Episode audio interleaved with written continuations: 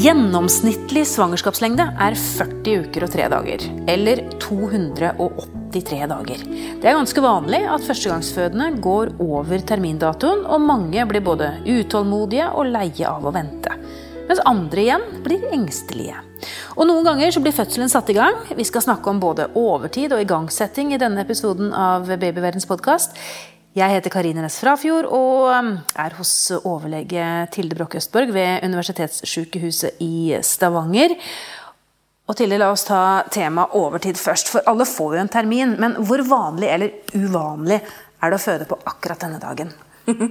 det er jo egentlig relativt uvanlig. Ja. Ehm, selv om mange liksom har den eh, datoen nærmest eh, prentet inn i netthinnen, så er det bare 5% som føder på termindato.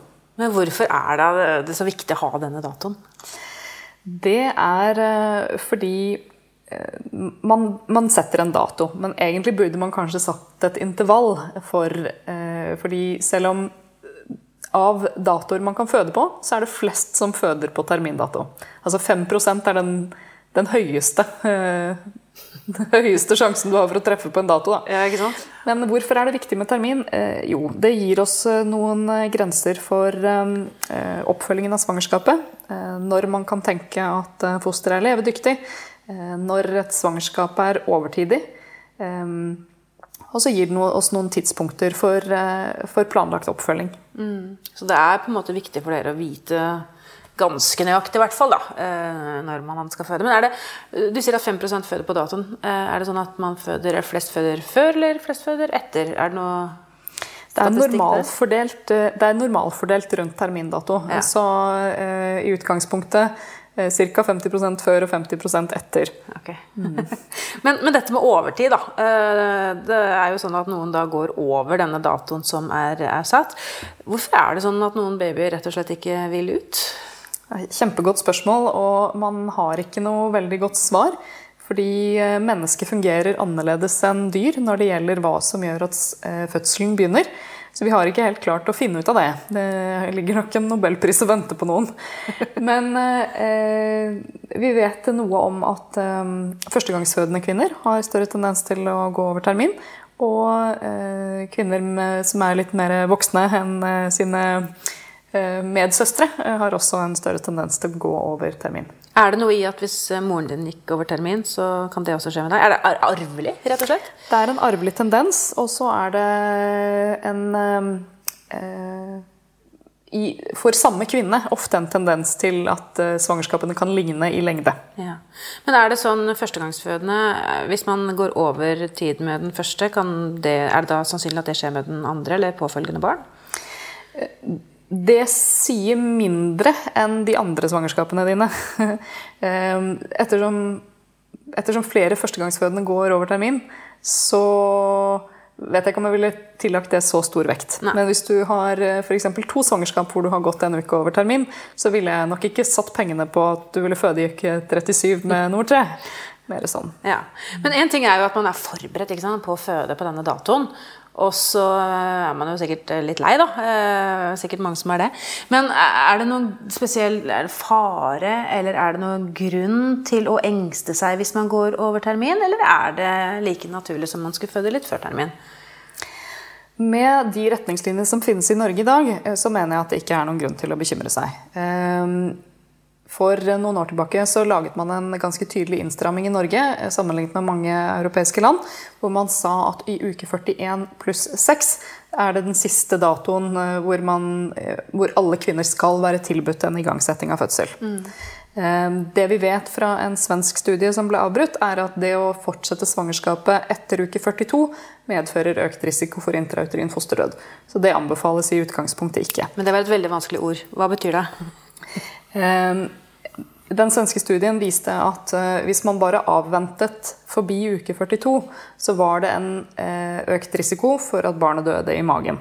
Og da snakker vi igjen promille. altså Vi snakker uh, veldig veldig små tall, men allikevel en såpass økt risiko at man anbefaler ikke som rutine at man fortsetter svangerskapet etter uke 42. Men hvorfor, eh, hvorfor, vil ikke dette barnet ut? Eller jeg, jeg, har jo stilt deg spørsmålet før, men altså uke 42, det er jo to uker etter termin. Barnet er ferdig utvokst. Hvorfor kommer ikke fødselen i gang? Er det noe galt i kroppen? trenger ikke å være noe galt, men igjen, siden vi ikke helt vet hva som gjør at fødselen starter, så er det ikke så lett å si hva som mangler heller. Um, vi, vi, har ikke noe godt svar. Nei. Men hva, hva, gjør man da når man er gravid og har kommet til eh, termindatoen sin? Eh, jeg regner jo med at de fleste har oppfølging hos enten fastlege eller, eller jordmor. Men blir man fulgt tettere opp, eller hva, hva skjer eh, rent konkret? Eh, der tror jeg det er noe ulik oppfølging ved forskjellige sykehus. Eh, men i uke 41 pluss 3, altså én uke over termin, så gjøres det de fleste steder en slags trivselskontroll. Dvs. Si at man kommer inn til fødeavdelingen, man gjennomgår, eh, sykehuset gjennomgår svangerskapskortet, og så gjør man en fosterlydsovervåkning pluss en ultralyd for å se at barnet har det greit. Det er barnets trivsel, det er ikke mors trivsel her. Nei. Det, det, er jo sånn at uh, mors, uh, mors, preferanse skal tillegges betydelig vekt, okay. som det står i retningslinjen. Ja. Men, men, i utgangspunktet så er det uh, først og fremst barnet som vi undersøker. Men det er klart, er mor syk på noen som helst måte, har hun utviklet høyt blodtrykk eller en svangerskapsforgiftning eller den typen ting, så, så er jo det en, en, grunn til å ikke fortsette svangerskapet. Mm. Eller bare skikkelig lei, da. Mm. Det er det som er så vanskelig. Mm. fordi Um, av og til så tenker jeg at det ville vært lurere om kvinner hadde en annen målstrek. Uh, fordi hvis man bruker termin som liksom, målstreken, mm. så vil jo halvparten bli skuffa. hvis man istedenfor kanskje brukte én uke over termin som liksom sin mentale målstrek, så tror jeg kanskje færre hadde blitt så lei. Mm. For det er det mentale her, ikke sant? hva man er innstilt på. Ikke sant? Ja. Eh, liksom dagen etter termin så er det jo mange hvor det begynner å liksom klø litt i, mm. hjernecellene. Hva, hvor, hvorfor eh, den er inni deg fortsatt? Og så begynner man å tenke og, og telle dagene. Mm. Ja, ja. Men, eh, men, man går altså på denne trivselskontrollen etter en uke, og hvis alt er eh, bra med, med barnet, hva, da skjer det egentlig ingenting? Da venter man fortsatt, da? Blir man bedt om å reise hjem og bare vente? Um, altså, Hvis alt ser ok ut i uke 41 pluss 3, en, over, altså en uke over termin, så anbefales nok de fleste å avvente spontan fødselsstart i inntil tre dager til. Mm. Eh, som sagt, i uke 41 pluss 6 er siste dag eh, Altså eh, Da skal alle kvinner være tilbudt en igangsetting. Så en eller annen gang mellom uke 41 pluss 3 og uke 41 pluss 6 så eh, vil man bli tilbudt en igangsetting. Men man skal, snakke, altså man skal, snakke, sammen, og hva kvinnen vil, bør tillegges vekt.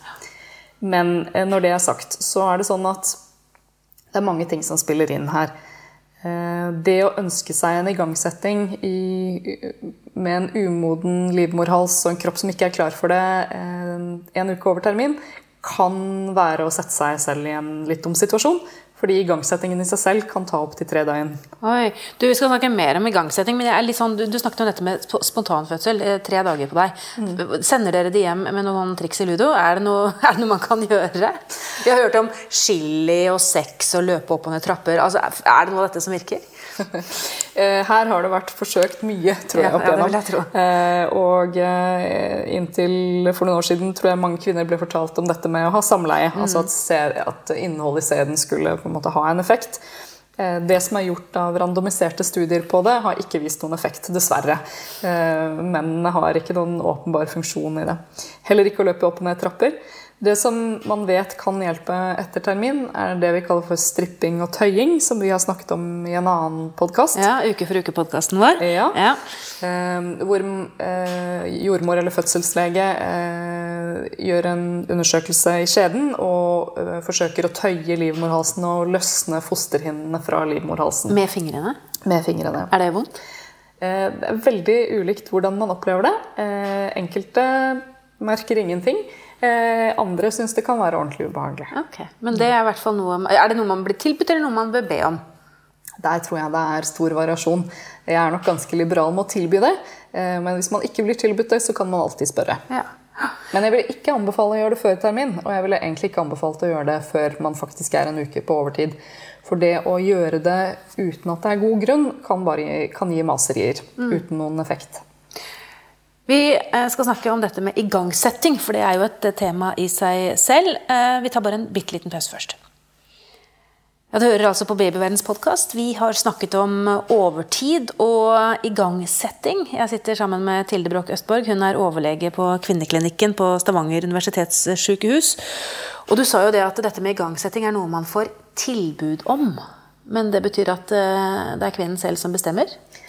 Det er det jo gjennom hele svangerskaps- og fødselsomsorgen. På et eller annet vis så synes det å gå ta, gå ta litt sånn lost in translation noen steder. Ja. Men alt i svangerskapsomsorgen er et tilbud. Det finnes ingen tvang. Man driver ikke med tvang overfor voksne, myndige kvinner. Men når man er da én uke og seks dager, var det det, over termin, så, over termindato, så mm. anbefaler dere det? Da, da, da bør dere, er, er det sånn at dere sterkt anbefaler det?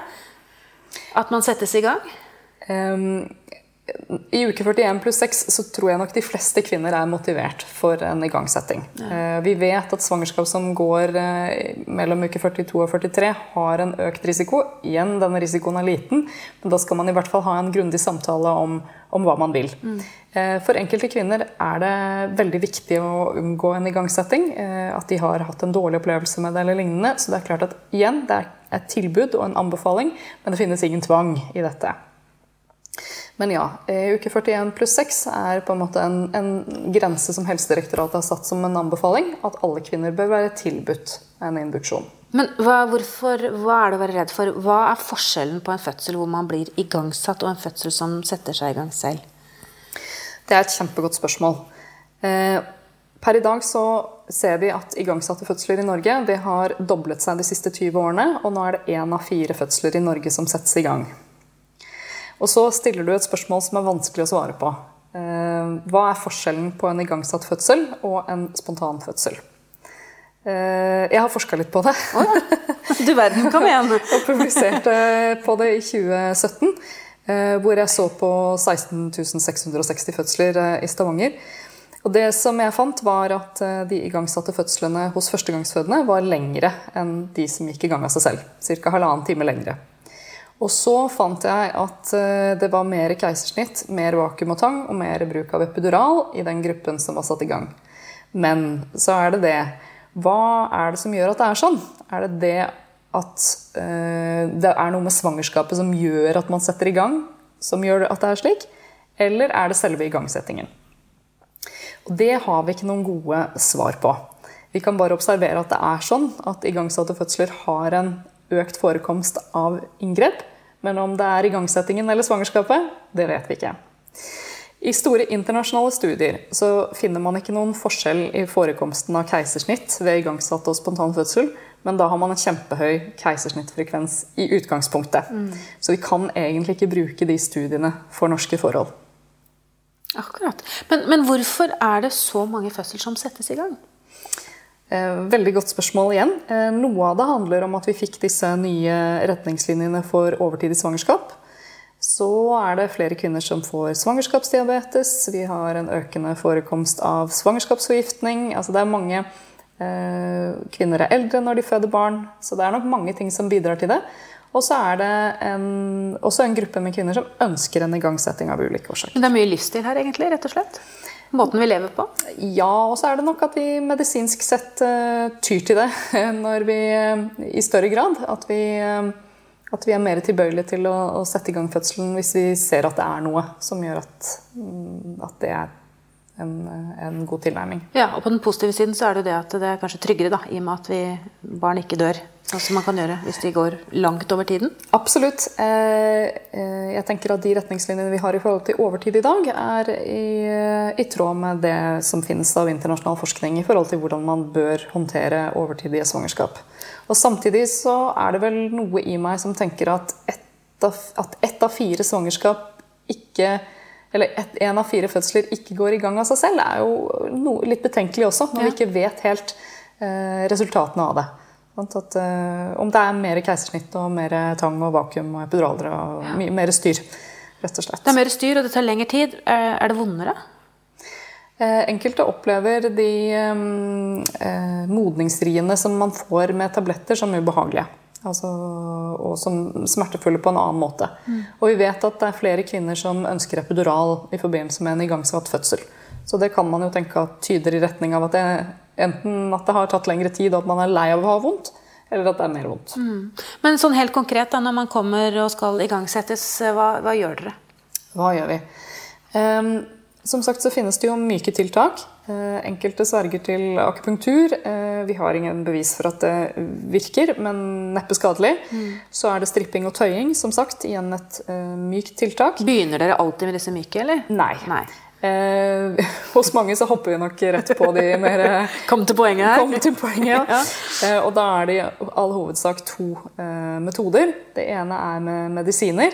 eh, Og det andre er med ballong. Og jeg vet da vi snakket om det før, så så du for deg sånn heliumballongstemning. Ja, ja. Ja. Men ok, vi sparer det morsomste til slutt, eller spennende. Dette med medisiner, da. Hvordan virker det? Eh, medisinene eh, virker ved at de modner livmorhalsen og setter i gang rier. Oh, ja. Tar det, hvor lang tid tar det, da?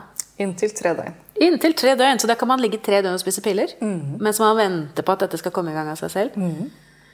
Men da ligger man på sykehus, da? eller? Da ligger man på sykehus. Og er godt overvåket? Da er man godt overvåket. Fordi hvis man er liksom på en måte kommet langt over overtiden, så er tre dager ganske mye på toppen. Absolutt. Da gjøres det fosterlydsovervåkning eh, før hver gang man får medisiner, og en time etter at man får medisiner. Ja. Eller i hvert fall en eller annen tid før og en tid etter. Akkurat. Er det liksom på disse hvor det drar veldig ut at keisersnitt kanskje blir, et, eh, blir en konsekvens, eller til slutt? Hvis man ikke lykkes med å få fødselen i gang, så er det jo det man må gjøre. Eh, Og eh, Eller hvis fødselen på en måte stopper opp på noe vis, men det blir som med andre fødsler. Da. Men da får man altså medisiner, man spiser noen piller, og så kommer fødselen i gang. Og da, da går det sin gang på vanlig måte. Da er det ikke noe mer inngrep enn det. I utgangspunktet ikke. Eh, Når man på en måte har kommet i aktiv fødsel, så eh, blir resten av forløpet som en, en vanlig fødsel eh, som har kommet i gang av seg selv. Vi bare vet at forekomsten av inngrep er større. Ja. Og nå er jeg veldig spent på denne ballongen, da. En blå ballong, eller hvordan ser den ut? Det er et veldig godt spørsmål. Eh, Ballong er eh, rett og slett et tynt kateter, eh, altså en tynn gummislange, steril gummislange, som vi setter inn gjennom livmorhalsen. Og så fyller vi den ballongen med saltvann. Altså tuppen av kateteret, tuppen av denne plastslangen, har et, eh, en ballong som vi blåser opp. Og den virker som en sånn minihode eh, og modner livmorhalsen mekanisk. Akkurat. Eh, Så den er ikke så stor at han fyller Tar ikke plassen til babyen, for det er det er ikke plass til, ikke sant? Nei. Nei. Så, så den bare skal på en måte Det er en slags eh, mekanisk form for tøying, da, eller? Rett og slett. Den er en 3-4 cm i diameter og, og virker, som, eh, virker mekanisk på å tøye livmorhalsen. Ja. Hvor lang tid tar den prosessen, da? Det kan også ta Nei, det vanlige er å la ballongen ligge i ca. et døgn. Og så er det eh, en kollega i Bergen eh, og jeg gjorde en kartlegging for noen år tilbake av hvordan de ulike sykehusene håndterte igangsetting. Og det er forskjell mellom sykehusene. En, en del starter med tabletter og går deretter over til ballong. En del starter med ballong og går deretter over til tabletter. Hvor lenge ballongen ligger og hvor mye man gir av tabletter, det varierer også fra sykehus til sykehus. Det er ganske stor variasjon, men i all hovedsak er det likt. Men, men akkurat hvor lenge ballongen ligger, eller hvor mange tabletter man kan få som maksimum, eller det kan variere litt fra sykehus til sykehus. Men det er de to metodene som brukes. det er de to metodene som brukes. Ja. Og så er det sånn at Hvis man har et keisersnitt fra tidligere, eller har hatt en eller annen form for inngrep på livmoren, så kan man ikke bruke tabletter. Da er det kun ballong som gjelder. Men vet vi at den ballongen eh, holdt på å si, virker?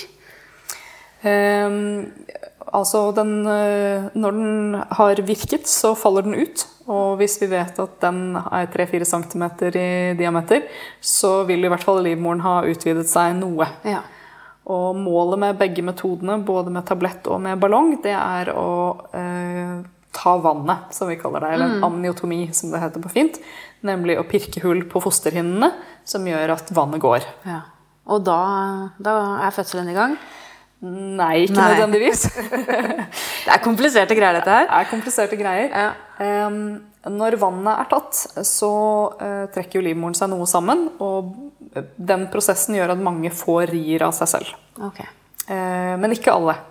Og de som ikke da får rier av seg selv i løpet av uh, noen timer, da begynner vi med ristimulerende drypp som et videre tiltak for å få fødselen i gang. Så det finnes mer, altså?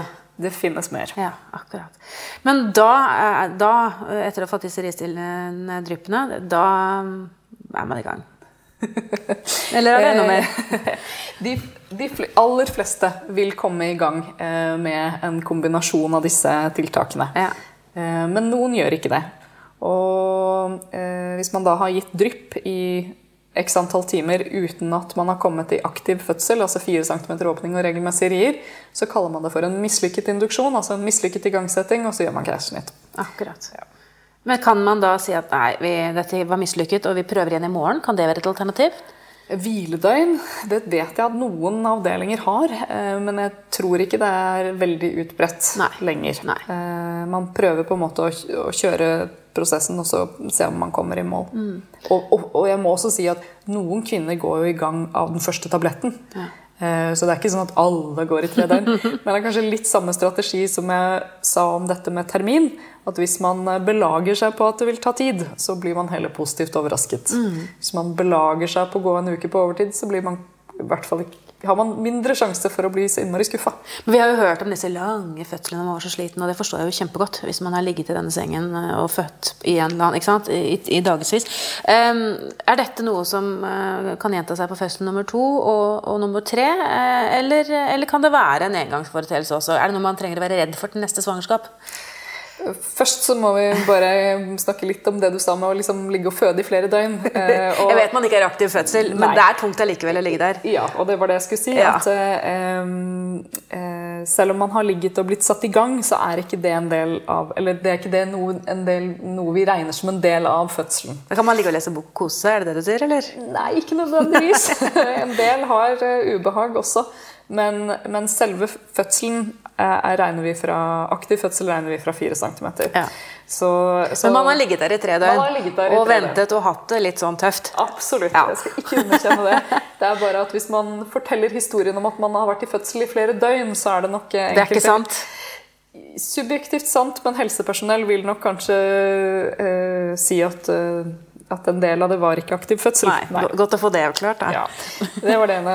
Det andre har jeg glemt. du Ja, nei, for det er jo sånn når man ligget der da, og, og hatt uansett et langt forløp, da, Ja. enten det er sånn eller sånn, og, tenk, og bli gravid igjen, eh, kan man da belage seg på dette igjen, eller, eller er det, kan det også være en enkeltstående hendelse? Det kan absolutt være en enkeltstående hendelse. Som vi allerede har snakket om, så er det sånn at første svangerskap har eh, størst risiko for å gå på overtid, størst risiko for svangerskapsforgiftning osv. Så videre. sånn at selv om man har vært igangsatt med nummer én, så trenger ikke det å være tilfelle for eh, de påfølgende svangerskapene. Og vi vet også at eh, den tidsforskjellen som jeg snakket om mellom spontan og indusert fødsel i varighet, den ser vi ikke hos flergangsfødende. Sånn at eh, er man igangsatt som flergangsfødende, så trenger ikke fødselen å være noe lenger enn den ellers ville ha vært. Og så er det vel sånn at fødsel nummer to er litt enklere? Er det ikke det? Jo. For da har det vært en baby gjennom der eh, en gang før. Rett og slett. Ja. Jeg har av og til spøkt med at jeg kunne tenke meg å være fødselslege for bare flergangsfødende. Bare sklir de ut. sklir de ut. Ja. Ok, men Da har vi lært veldig mye om både overtid eh, og igangsetting. Eh, Veldig mange gode innspill og råd fra deg, og spesielt artig at du har forsket på det også. Er det noe du skal fortsette med, eller? Ja, jeg forsøker å bli ferdig med en doktorgrad. Akkurat. Så vi kommer kanskje tilbake til temaet. Kan godt hende vi kommer tilbake til temaet. Det er godt å høre. Takk skal du ha, overlege Tilde Broch Østborg på Stavanger universitetssykehus. Hvis du lurer på mer om dette temaet, finner du mange artikler på babyverden.no og diskusjoner med andre i Babyverdens forum. Hvis du ikke allerede har lastet ned appen vår, Gravid og barn, så anbefaler jeg deg å gjøre det med en gang, så kan du følge utviklingen til barnet ditt dag for dag og uke for uke. Siden du er opptatt av graviditet og barn, kan det også være lurt å abonnere på Babyverdens podkast, så får du nye episoder automatisk hver uke. Det er også vi som lager podkastserien Gravid uke for uke. Den bør du også få med deg hvis du har barn i magen.